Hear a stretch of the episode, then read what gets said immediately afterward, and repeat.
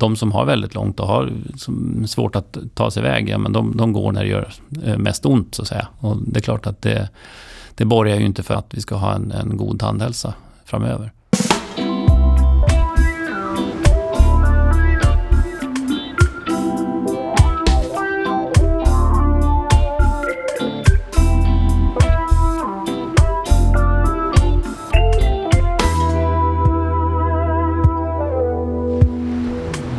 Välkomna alla ni som lyssnar till podden Vårdfrågan. En podcast där vi har en övergripande fråga varje gång som lyder Hur kan vi ge bättre vård till fler? Eh, den här gången pratar vi om tandvård och vi ska prata om rekryteringsutmaningar. Så vårdfrågan är hur kan vi lösa rekryteringsutmaningarna i tandvården? Eh, den är ju inte busenkel eh, och därför har vi med oss tandläkare och styrelseordförande i Praktikertjänst, Urban Englund, som ska diskutera lite eh, om det här och prata lite om eh, tandvården och de rekryteringsutmaningarna som man står inför. Välkommen hit Urban. Du kan ju bara säga ett eller två ord om dig själv. Tack så mycket. Ja, som sagt, jag heter Urban Englund och har jobbat Eh, som tandläkare sedan 86 faktiskt. Jag eh, jobbade uppe i, i Hudiksvall med en, en grupppraktik tillsammans med eh, fem kollegor. Och sen då, sen några år så är jag också styrelseordförande i Praktiktjänst. Har ett förflutet både inom då, ganska lång tid inom landstinget, inom folktandvården och sen nu på senare år inom privattandvården. Jättekul att ha dig här idag Urban. Jag tänkte att vi kan ju börja ganska brett. Hur mår tandvården egentligen? Ja, generellt sett kan man väl säga att tandvården mår väl ganska bra. Fast det, det finns eh, vissa orosmoln på, på himlen. Och eh, vi ser ju det att eh, en del av problembilden är ju det som vi har, har haft som eh, huvudämne idag. Och det är ju rekryteringsfrågan. Generellt sett så har ju tandvården lyckats väldigt bra med, med sitt uppdrag. Och tandhälsan har eh, utvecklats väldigt, väldigt positivt under, under många, många år. Eh, jag tror också att den här mixen som vi har i Sverige mellan, mellan då privat tandvård och eh, folktandvård gör att eh, vi får liksom ett bra driv i, i hela, hela tandvårdssfären. Och det är ju någonting som har varit under, under väldigt lång tid. Så att jag tror att generellt sett så, så mår tandvården ganska bra. Men vi har problem med, med vissa delar utav den. Mm.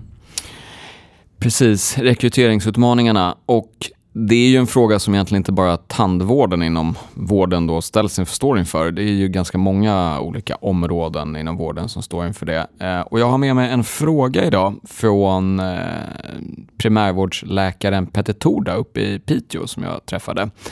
Och han jobbar då nu i primärvården, eh, ett område som också har ganska tufft att eh, rekrytera, framförallt i glesbygd. Så hans fråga är också jättebred. Varför tror du att det är så svårt att rekrytera egentligen inom både primärvården och inom tandvård? Framförallt i glesbygd då, om vi tar det som, som fokus.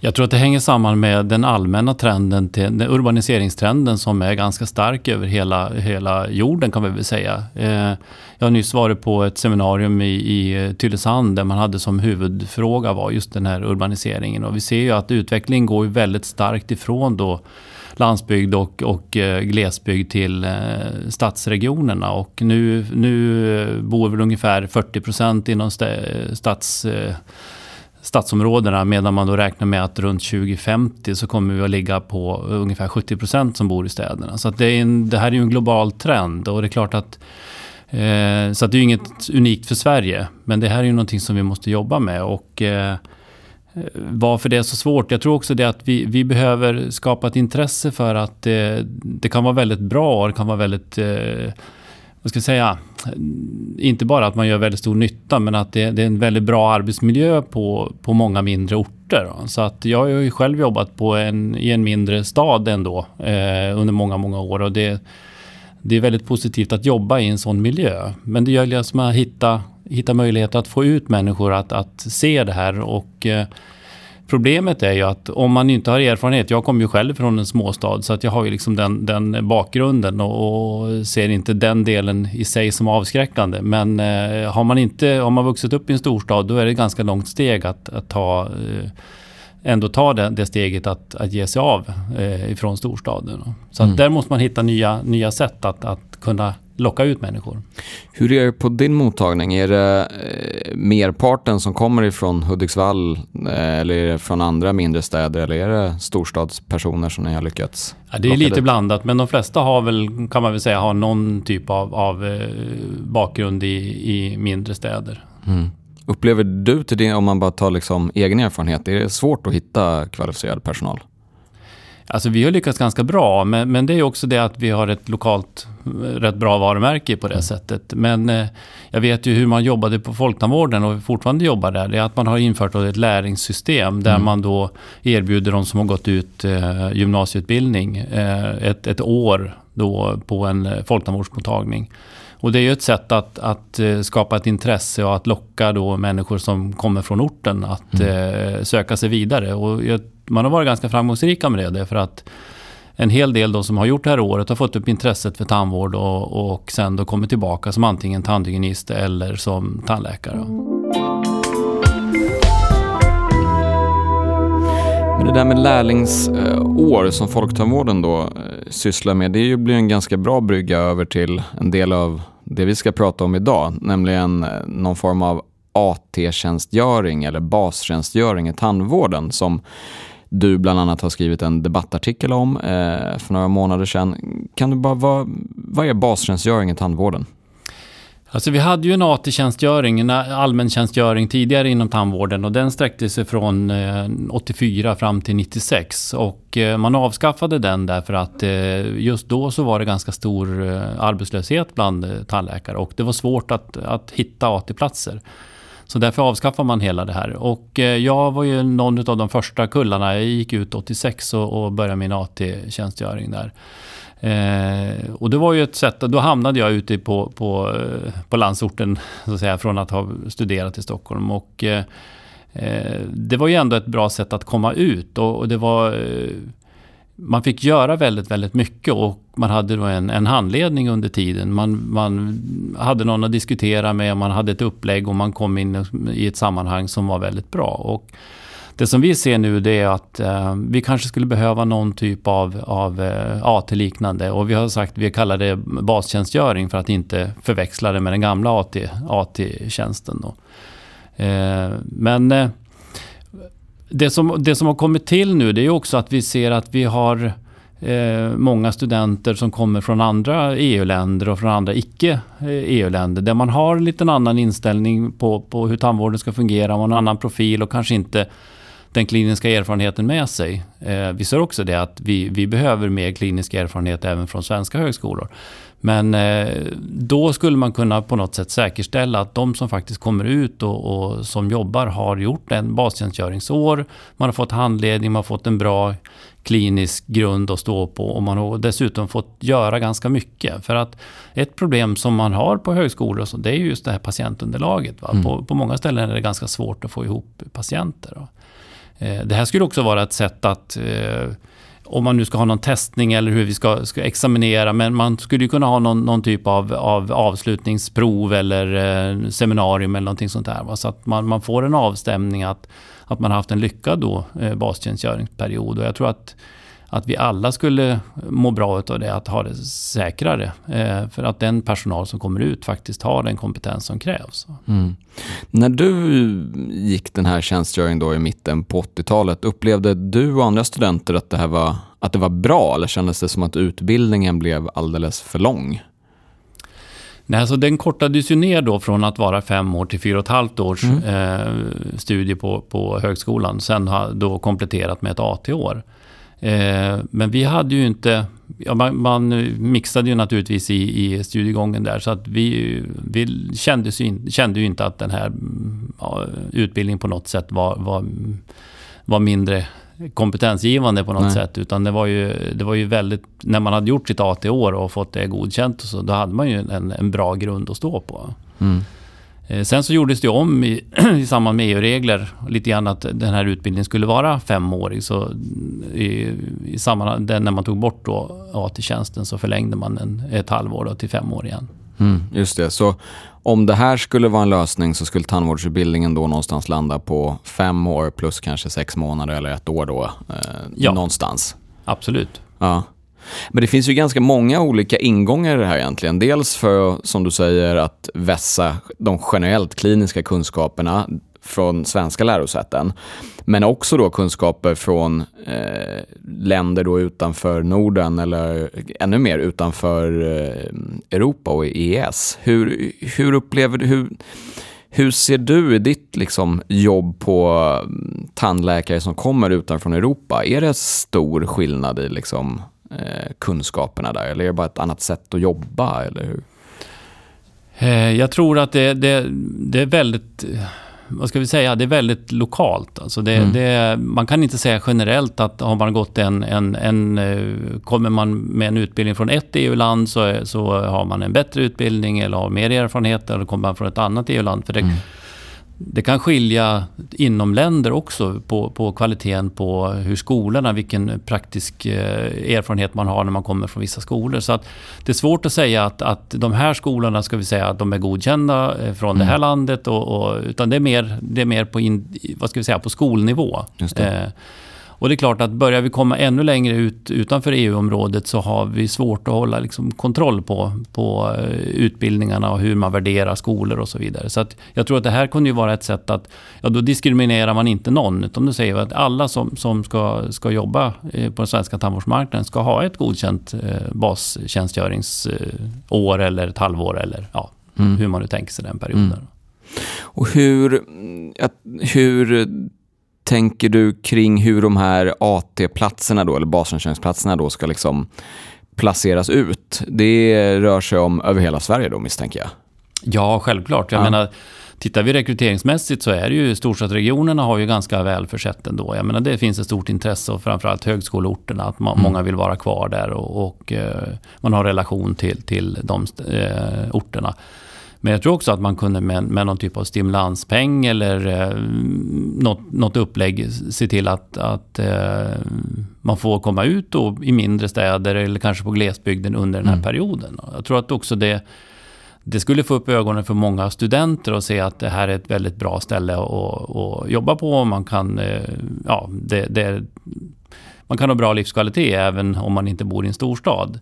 Eh, så att jag tror att man skulle kunna dels få upp ögonen för, på studenterna och dels så skulle man kunna hjälpa till rent eh, praktiskt genom att man får tandvårdsresurser på ställen där det kan vara ganska svårt att få annars. Mm. Ja, man, jag har ju läst nästan skräckhistorier i, i tidningarna om hur svårt det är att få en tandläkartid i vissa eh, landsting och regioner. Det kan röra sig om flera år. Jag vet inte om det är en form av råttan i pizzan historia eller om det faktiskt är så. Och om patienter som tvingas söka sig till Norge och, och liknande. Det, det låter ju inte rimligt att det ska att det ska vara så svårt att besöka tandläkaren någonstans. Så det här kanske skulle kunna vara en lösning på att få studenter då framförallt att jobba mer i glesbygd.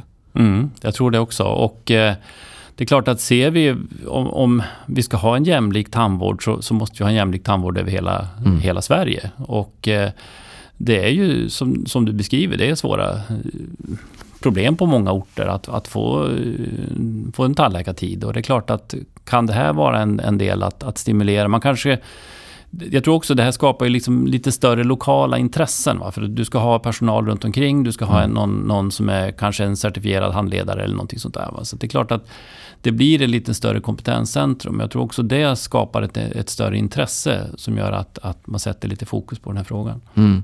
Vad gjorde du själv din sånt här 80 år i mitten på 80-talet? Ja, i Iggesund, metropolen utanför Hudiksvall. Jaha, okej. Okay. Ja. Och är du från Hudiksvall? Nej, i, i, det kommer eh, Söderhamn några mil därifrån. Ja, så, att, men, så du blev kvar? Jag blev kvar. För när jag gick ut så var det, då var det ganska svårt att få jobb. Ja. Eh, så att eh, då var man ju ganska glad ändå att, ja, AT-tjänsten var man ju garanterad. Men då, då tänkte jag att det är lämpligt att ta den där uppe när jag ändå kände till krokarna. Mm. Och fick en AT-plats. Det var inte heller självklart eh, på den tiden. Eh, men eh, sen så, ja, fick jag vikariat och ganska tidigt en, en fast tjänst och då, då var man ju ganska glad för det. Mm, eh, Sen mm. så har jag tyckt det var, det var ett bra ställe att jobba på och det är lite grann som, som jag beskrivit här också, att man fick göra väldigt mycket. Man fick utvecklas och fick bli duktig som, som tandläkare i och med att man eh, inte hade så stor tillgång till specialistvård utan man fick göra ganska mycket själv och, och producera mycket tandvård framförallt. Möjligheterna i Stockholm är väl större. Samtidigt så är man ju en större organisation. Kan det vara så att liksom man får ett större ansvar som student, tror du, på en, eller som nybakad student eller nybakad tandläkare på, på en mindre ort? Jag tror att du rent naturligt tvingas att, att uh, göra mer och att kanske mm, faktiskt ta tag i saker och ting som du kanske hade remitterat bort på mm. ett annat sätt. Jag, speciellt nu, nu kanske inte det, det, i mina hemtrakter de avstånden, men än, kommer man längre upp i Norrland så, så är det ju väldigt lång, långa avstånd för patienterna att åka och det är klart att då då skickar man inte en remiss till, till en specialistklinik som ligger liksom 30 mil bort för att göra någon grej som man, som man skulle kunna klara av själv. Mm. Att, eh, jag tror att det, det är både och där. Mm. Ja, men det låter ju rimligt.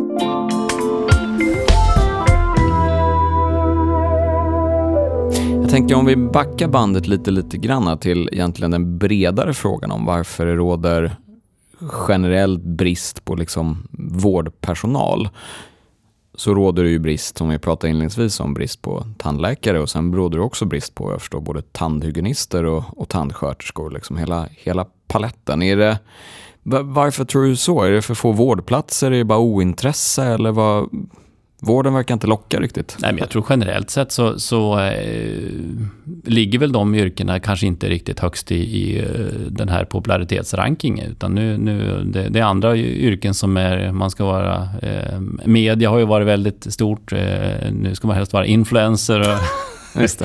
Nej, men jag tror att det, det, det kan ju vara lite trender i det också. Sen tror jag på... på eh, det har ju, har ju varierat väldigt mycket på tandläkarsidan framför allt. Med, med, efter den perioden jag började jobba, då, då, när det var stor arbetslöshet, ja, men då sökte sig många utomlands. Man sökte sig till Norge, man sökte sig till England och jobba. Mm. Och det gjorde ju också att där parerade man lite grann utav det överskottet man hade och sen så fick man lite underskott istället. Va? Därför mm. att det var populärt att jobba på andra marknader.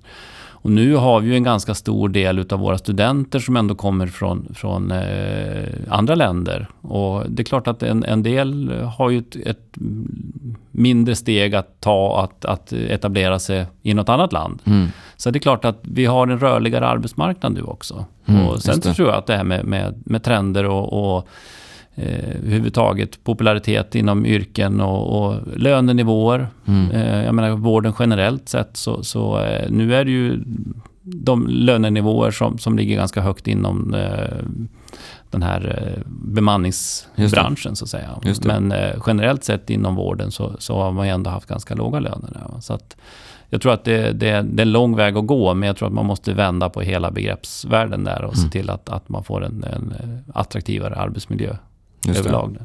Vad var det som lockade dig att bli tandläkare? Ja, det var väl inte någon eh, djupare analys egentligen, utan jag hade några, några olika saker att välja på och sen så tyckte jag att tandläkare, det verkar vara ett anständigt jobb ändå. Så att eh, det, det, det var lite, lite slumpen som gjorde det. Ja. Var det populärt eh, då att bli tandläkare i mitten på 80, början på 80-talet? Ja, det var ju ganska populärt då, men sen eh, i och med att eh, arbetslösheten växte till sig så... Eh, jag kommer ihåg när vi gick på första termin, då, då var det ju några vänliga eh, lärare som sa att ja, men kan ni tänka er något annat jobb så, så sluta nu på en gång för ni kommer aldrig att, att få något jobb. Okej, okay, positivt. ja, det var väldigt positivt. Men, men eh, jag var envis redan då. Jag har aldrig varit arbetslös en dag. Så att, jag tror att de där olyckskorparna, de, de fick inte rätt. Nej, men jag tänker lönenivåer är väl en sak och sen eh, själva arbetsmiljön. Men jag tänker tandläkeriet, eller att vara tandläkare då framförallt, öppnar ju nu när det är liksom bristyrke och sådär, öppnar ju ändå för möjligheten att på ett helt annat sätt än inom sjukvården och, och driva eget. Så menar, man kan ju styra ganska mycket av sin, sin egen arbetsmiljö och hur man vill jobba. Det är ju fritt på det sättet jämfört med många andra vårdyrken. Eh, ser du att det lockar eller kan locka ännu mer än vad det egentligen gör? Ja, det är väl det vi ser. Om vi tittar på sjukvården så ser vi ju de som kommer till oss är ju många som, som tycker att man eh, vill jobba lite friare, man vill, man vill jobba och kunna bestämma lite mer själv. Eh, mm. Än att, att vara styrd i en landstingsorganisation. Då, som, de har ju ändå fått ganska mycket negativ, eh, vad ska jag säga, diskussion runt arbetsförhållanden och sånt under, under senare år. Eh, sen tittar vi inom tandvården så, så är det ju en jättestor skillnad tycker jag att jobba privat eh, mot att jobba inom folktandvården. Även Mm. om jag var klinikchef och man fick vara med och, och, och eh, ja, utveckla mycket av den delen så, så är det en, det är en helt annan frihetsgrad inom eh, privattandvården. Mm. Därför att du, du kan bestämma på ett helt annat sätt liksom arbetstider, hur, hur du vill jobba, vilka material du vill använda, vilka maskiner och sånt där. Inom då ekonomiska gränser naturligtvis. Jag menar, till syvende och sist så måste ju verksamheten på något sätt gå ihop. Mm. Men jag tror att generellt sett så är det väl kanske inte lönedelen i sig. Jag, jag tror inte att någon inom folktandvården är speciellt underbetalda eh, nu. Det, det är de inte. Utan det, det, det tror jag att man ligger rätt så bra eh, i, i de nivåerna. Men det är den här frihetsgraden att som, som är den stora skillnaden. Att du får Mm. liksom, styra dig själv och, och under eget ansvar. Mm. Jag tänkte på det här med bemanningsfrågan som vi var inne lite på nyss, eh, som är ganska stor inom hälso och sjukvården, framförallt om så kallade hyrläkare och hyrsköterskor. Finns det något, ett liknande system inom tandvården där liksom tandläkare konsultar, eller man ska säga, i den utsträckningen? Eh, det finns väl lite grann, men jag tror inte att det, det är inte organiserat på samma sätt. Utan det, det har inte varit den efterfrågan. Eh, Mm. Eller den, det utbudet. Så att eh, hittills så har vi inte sett den, den utvecklingen i alla fall. Men det är klart att vi vet ju inte. Jag menar tandvårdsmarknaden är ju en stor förändring. Jag menar, för ett antal år sedan då var det eh, så att man är ensam som privattandläkare eller också så jobbar man inom folktandvården. Mm. Och nu så ser vi det, det är större kliniker, som, som, privatkliniker som växer upp. Eh, både med, med de som driver eget och, och i praktikertjänstregi. Mm.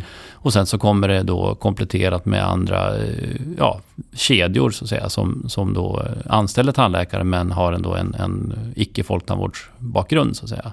Mm. Så att det är klart att vi vet ju inte vad som kommer att hända men, men eh, det, det, det är ju rätt för en förändrad marknad mot för det vad det var för ett antal år sedan. Mm. Ja, det är väl också jag menar, globalisering, rörlighet eh, och allt sånt som vi har varit inne på. Det, jag menar, det påverkar ju såklart den svenska marknaden också, eh, antar jag, på ett eller annat sätt.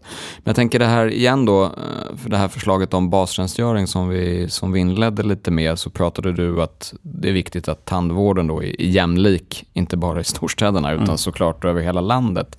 Hur ser du att ett sånt förslag om, som bastjänstgöring skulle mm, på det stora hela gynna tandhälsan?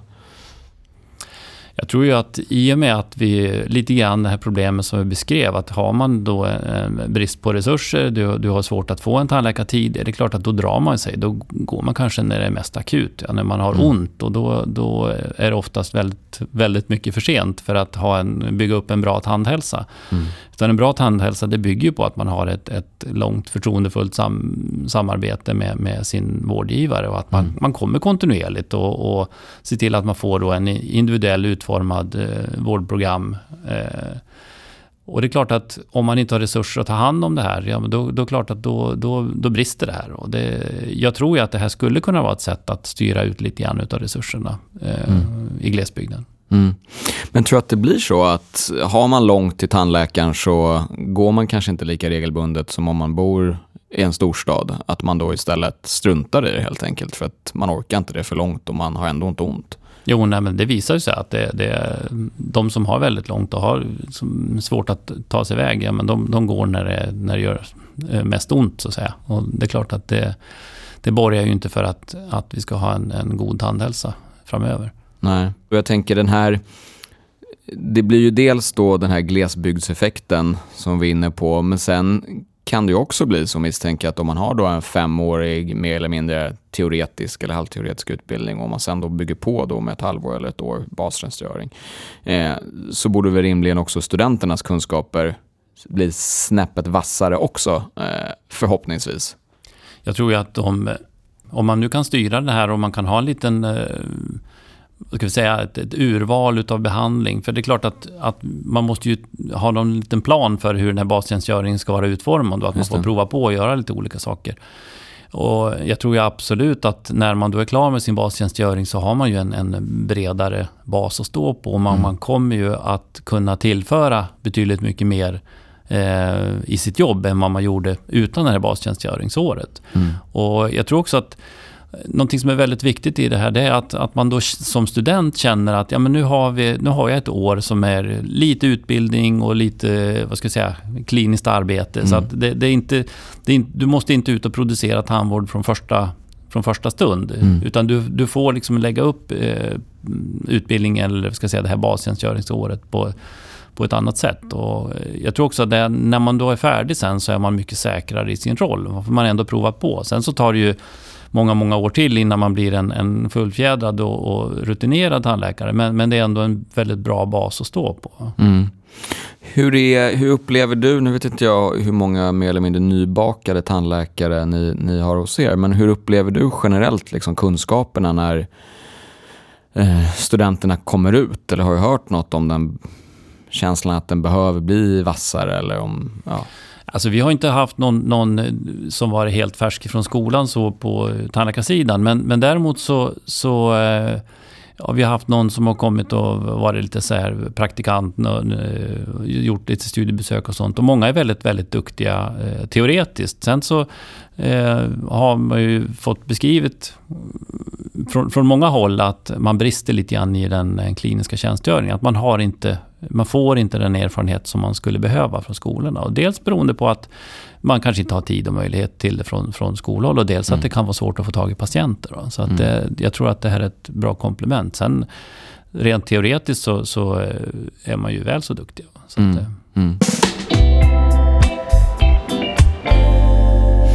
Jag tänker en sak som vi inledde med att prata lite om var ju generellt lite om tandhälsa och hur tand, tandvården mår. Eh, jag tycker att en intressant sak där är ju att tandvården är ju eh, nästan osannolikt populär, om man får säga det. Om man tittar på Svensk kvalitetsindex som varje år eh, mäter då tandvården, som ligger ju då ja, men extremt högt över alla andra branscher, telekom och bank och försäkring och vad det nu, vad det nu rör sig om. Och det kommer ju ett annat eh, bevis då, eller man ska säga, på att tandvården är populär nu här i början av sommaren när SCB publicerade någon form av välfärdsbarometer kallar de det, och där tandvården då är det välfärdsområde som svenskarna tycker fungerar, fungerar allra bäst. Knäckfrågan här är ju då, var, varför tror du att det är så? Ja, man kan ju tycka att det är en paradox det här eftersom eh, i samma andetag så talar ju många om att det, det, det, kostar väldigt mycket pengar att gå till tandläkaren och då skulle man ju tycka att man vore väldigt missnöjd med den, med den eh, tjänsten och det erbjudandet som man får. Men, mm. men det är ju som du beskriver det så är det ju inte så utan eh, man är oerhört nöjd med, med den, den tjänsten som man får hos eh, tandvården. Och jag tror också att det här är någonting som har växt fram under, under väldigt lång tid. Att vi, vi, har haft en, eh, vi har haft en folktandvård, vi har haft en privattandvård som har varit etablerad. Vi har haft en, en sund konkurrens under, under väldigt, väldigt många år. Så att vi har inte fått den här bara den, den offentliga delen där man har varit, haft monopol på, på att utföra sina tjänster. Och vi har inte haft bara en privatsida utan de här har liksom eh, dragit eh, jäm, jämt över tid. Mm. Så att jag tror att eh, det har, har, bidragit till att, att man har liksom fokuserat på, på patienten, att försöka eh, liksom få, få patienten delaktig i behandlingen och få, få det bästa möjliga omhändertagandet. För det är klart att vi ser att det, det är inte bara att, att vi är väldigt trevliga, utan vi får ju också väldigt bra resultat generellt mm. sett. För, för eh, det har varit ett tydligt uppdrag och jag tror också den här positiva konkurrensen har gjort att vi har fått ett fok en fokusering på patienten mm. eh, i det fallet. Och som, som eh, vi ser ju att patienterna upplever det som att det är oerhört positivt. Mm. Nej, för det är ju Eh, ja, men det är lite intressant det där eh, med just kostnaden som du är inne på som har ju varit eh, diskuterad en, en hel del under åren.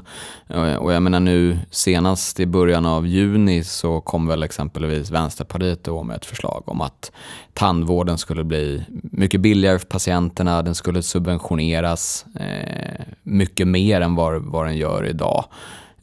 vad tror du, skulle det förbättra tandhälsan ytterligare? Alltså vi har ju sett på det här och det, det är ju inte, det är inte bara en ekonomisk fråga. Det är inte så att bara för att det, det är gratis så kommer alla att eh, få en fantastisk tandhälsa. Utan vi, vi har ju det finns, det finns ju luckor i systemet som det är nu, men vi har ändå en ganska bra trygghetssystem som det är. Mm. Med, med då tandvårdstaxan, med, med ett eh, högkostnadsskydd. Eh, men kommer man då riktigt att svårt ekonomiskt så har du ändå socialtjänstlagen som på något mm. sätt ska garantera att du får en, en, en rimlig tandhälsonivå. Eh, sen har vi också de, de eh, kategorier patienter som, som lider av, av eh, vissa typer av sjukdomar eller omsorgspatienter och så vidare som också får då en, en helt, eh, ska säga, en, en, annan ersättning eller det som liknar mer sjukvårdsersättningen. Mm. Så att, att koka ner det här till att det bara handlar om pengar, det, det, det tror jag inte är lösningen. Mm. Däremot så kan man alltid diskutera, kan man justera systemen så att eh, det ändå blir lite billigare för patienterna? Så det, mm.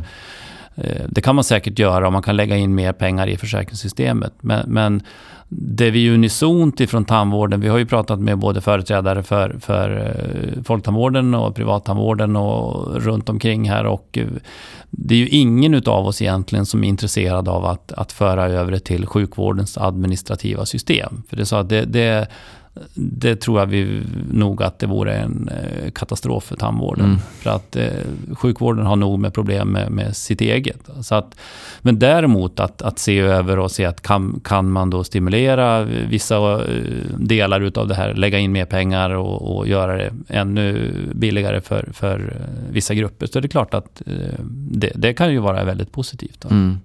Nej, men lite som du är inne på, att uppenbart så handlar det ju inte bara om pengar eftersom Sverige har väl, om inte den bästa, så i alla fall bland den bästa tandhälsan i världen. Så uppenbart fungerar ju tandvården väldigt väl och patienterna är ju väldigt nöjda. Så jag kan ju ibland eh, känna när man hör sådana här diskussioner att varför egentligen börja mecka med ett system som uppenbart fungerar? Alltså, och då menar jag liksom mecka i grunden. Eh, inte att man liksom ska lite, lite finlir till höger och vänster, kanske lite riktade informationssatsningar eller kanske satsa mer på pensionärer och kanske lite mindre på 22-åringar som ju idag eh, har väldigt förmånliga eh, möjligheter att gå till tandläkaren. Eh, för hos pensionärer så är det inte det, hur är det, det är över 80 som det är mer eller mindre fritt, är det så eller är det olika på landsting till landsting kanske? Ja, det, det, man har ju då en, en, eh, Man tar ju bort patientavgifterna, eller vad ska jag säga, man ligger på mm. sjukvårdstaxan när man kommer upp över vissa åldersgränser. Så ja. det, det, är klart att det... det men det, det, är ju inte en helt ekonomisk fråga. För vi Nej. ser ju en, en, en, del problem har vi med barntandvården. Den är ju gratis och, och fri. Eller vad ska jag säga? Gratis eller kostnadsfri kanske ja. man ska säga. Eh, men eh, vi har ju inte alla patienter där heller och alla kommer inte även om det inte kostar någonting. Så att det, det finns ju i grunden ett socioekonomiskt problem mm. med vanor och eh, utbildningsnivåer som, som gör att eh, i vissa kategorier så, så tar man inte det här erbjudandet även om det inte kostar pengar. Mm. Så att, det, det, är en, det, är inte bara en pengafråga. Det är lätt att, att, att, koka ner allting till kronor och ören, men i det här fallet så är inte det, det är inte hela lösningen. Nej. Nej, vi ser ju som du är inne på att tand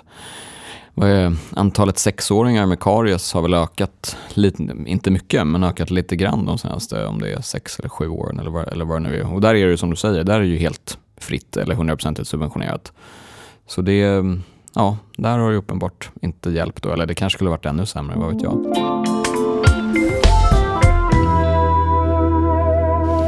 Vi har ju gått igenom både bastjänstgöring och tandvårdens hälsa, eller man ska säga, högkostnadsskydd, pensionärer, unga. Ja, egentligen det mesta eh, kan man säga inom det här breda ämnet. Men jag tänkte att vi ska börja runda av eh, och då tänkte jag att du skulle få ställa en fråga till en person som jag kommer träffa här vid ett kommande tillfälle. Och det är tandläkare Elisabeth, Elisabeth Rasmusson i, i Göteborg som bland annat sysslar en del med estetisk tandvård. Jag tänkte om du skulle vilja skicka med en fråga till henne när jag träffar henne.